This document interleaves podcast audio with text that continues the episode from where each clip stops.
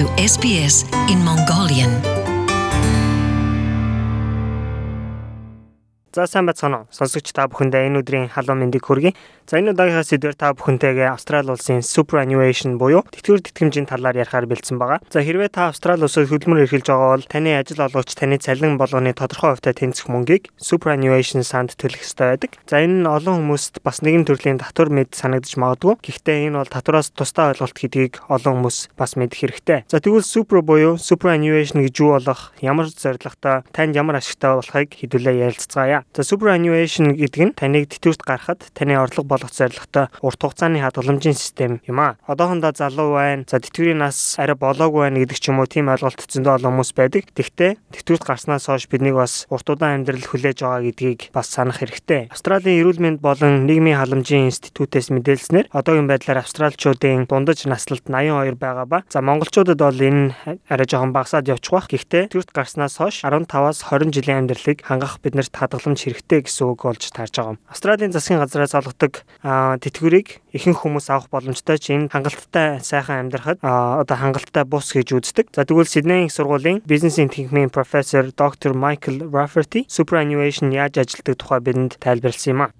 Every person that's over 18 years of age and earns more than about $450 a month. За superannuation 18 нас хүрсэн болон сард 450 буюу түүнээс дээш австрал долларын орлоготой хүн бүхэнд цалингийнх нь 9.5% таа тэнцэх мөнгө хадгалагдах ба энэ дараагийн хэдэн жил 12 одоо хувь хүртэл өсөх боломжтой байдаг. Энэхүү хадгаламж нь superannuation санд хадгалагддаг ба явандаа хувьцааны зах зээл, үйл хөдлөх хөрөнгө зэрэгт хөрөнгө оруулалт болд юм а. За ингэснээр цаг хугацаа өнгөрөхөд таны хөрөнгө оруулалт ашгаа өгч таны superannuation-ы хадгаламж төдий чинээгээрээ өсдөг гэсэн үг ээ. Бүх хүмүүсийн 7 хоног болгоны цалингийн хуудас хэр хэмжээний мөнгө superannuation санд төлөгдсөн тэмдэглэгдсэн байдаг тул та байнгын хянах боломжтой байдаг. Доктор Rafferty хэлэхдээ дагалдан болон дадлагжигч оюутнууд мөн адил superannuation хадгаламжтай байх хэрэгтэй гэж хэлсэн. The real test is whether or not you're earning over that $450 threshold. So you would expect that, that means typically За үндсэн шалгуур нь та сард 450 доллар буюу түүнээс дээш орлоготой байх юм а. Тэгэхээр орлогын шалгуурт тэнцэж байвал бүх дадлагжигч оюутнууд ажил олгогчороо superannuation төлөвлөх боломжтой гэсэн үг юм. Одоогоор 17 сая австралчууд superannuation санд хадгаламжтай боловч доктор Rafferty хэлэхдээ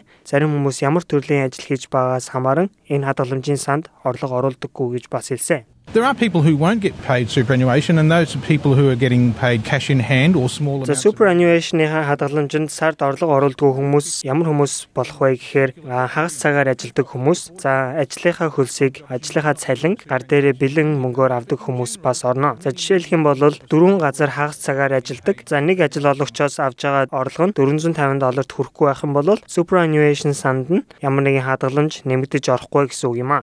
Гисэн хэдиж олон олон австралчууд superannuation санда тодорхой хэмжээний хөрөнгө оруулсаар байгаа. Superannuation сангуудын нийгэмлэгийн мэдээлснээр 2015 оны 12 дугаар сарын байдлаар австралчуудын superannuation хадгаламж 2 их 80 гаруй долларт хүрсэн байсан. Доктор Rafferty энэхүү хадгаламжийн хөрөнгийг хэн удирддаг тухай биднэрт бас тайлбар хийсэн юм а. Well, some of them are, are banks and insurance companies that we know, the Westpacs and Commonwealth Bank. Зарим нь бидний мэдих банкуд болох Westpac болон Commonwealth эсвэл даатгалын компаниуд байдаг. Тэд өөрийн гэсэн superannuation сан эсвэл хөрөнгө зохицуулалтын хэлцтэй байдаг ба эдгээр нь хоорондоо хамтран ажилладаг. Эдгээр байгууллагын superannuation сан нь арай олон төрлийн хөрөнгө оруулалтын сонголтуудыг санал болгодог. Нэг сонголт нь эрсдэл багатай хөрөнгө оруулалт буюу засгийн газрын бонд, за бага эрсдэлтэй үнд цаасанд хөрөнгө оруулах санал байхад арай эрсдэл өндөртэй буюу өсөлтийн санг мөн санал болгодог. За өсөлтийн санд хамрагдсанаар энэ мэдээж өндөр эрсдэлтэй хөрөнгө оруулалтыг хий За зах зээлийн хөдөлгөөнд өртөх магадлал өндөртэй болдог. За Австрали улсад superannuation сангийн маш олон сонголтууд байдаг ба ихэнх тохиолдолд та өөрийн сонголтоор хаана хадгаламж нээхээ шийдэх боломжтой. Хэрвээ ямар нэгэн сонголт хийгээгүй тохиолдолд таны ажил олгогч танд бас санал болгож болно. Таны нийт ажил хийх хугацаанд таны superannuation сан аяанда хуримтлагдсан хүснэ Гэхдээ хүмүүс superannuation сангаа бас илүүгээр өсгөх хэд хэдэн алхмууд бас байд юм а. Бүх сангууд адилхан биш тул байнга өөрийн сангийнхаа үзүүлэлтийг хинж байх нь бас чухал гэдгийг доктор Rafferty биднэрт сануулсан.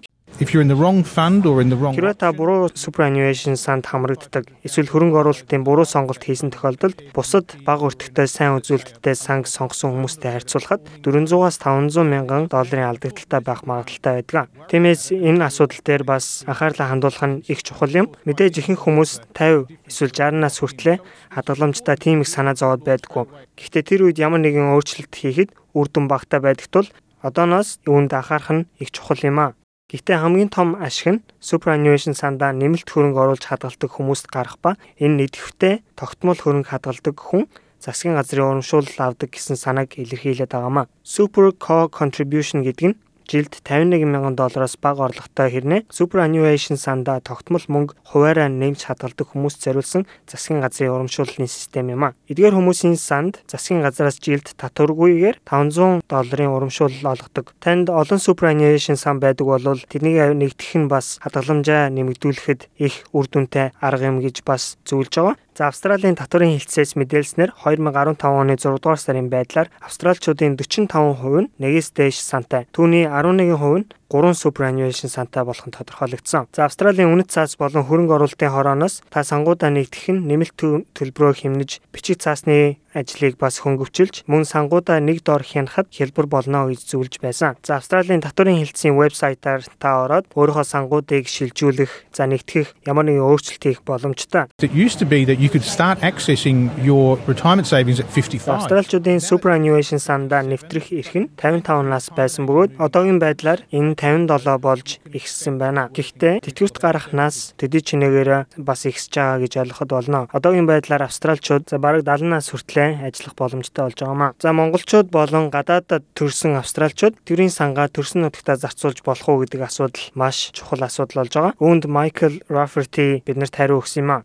Yes, they can. And indeed, if you do go back to your home country or another country Тийм ээ болно. Хэрвээ та хоримтлагдсан тэтгэврийн хадгаламжаа аваад нутг руугаа буцах гэж байгаа. За эсвэл өөр улс орн руу зорчих гэж байгаа тохиолдолд тэтгэврийн сангаа бүтнээр нь өргөдлөгөөд авах боломжтой. За мөн иргэншил авсан хүмүүс засгийн газрын тэтгэврт өргөдөл гаргах боломжтой бас байдаг. Хэрвээ та superannuation талаар илүү дэлгэрэнгүй мэдээллийг авахыг хүсэх юм бол тэтгэврийн хадгаламжийн тухай олон вебсайтууд байдаг. За эдгээр вебсайтуудыг нийтлэлийн маань хамгийн доотлын хэсгээс хүлээн аваарай. SBS Mongolian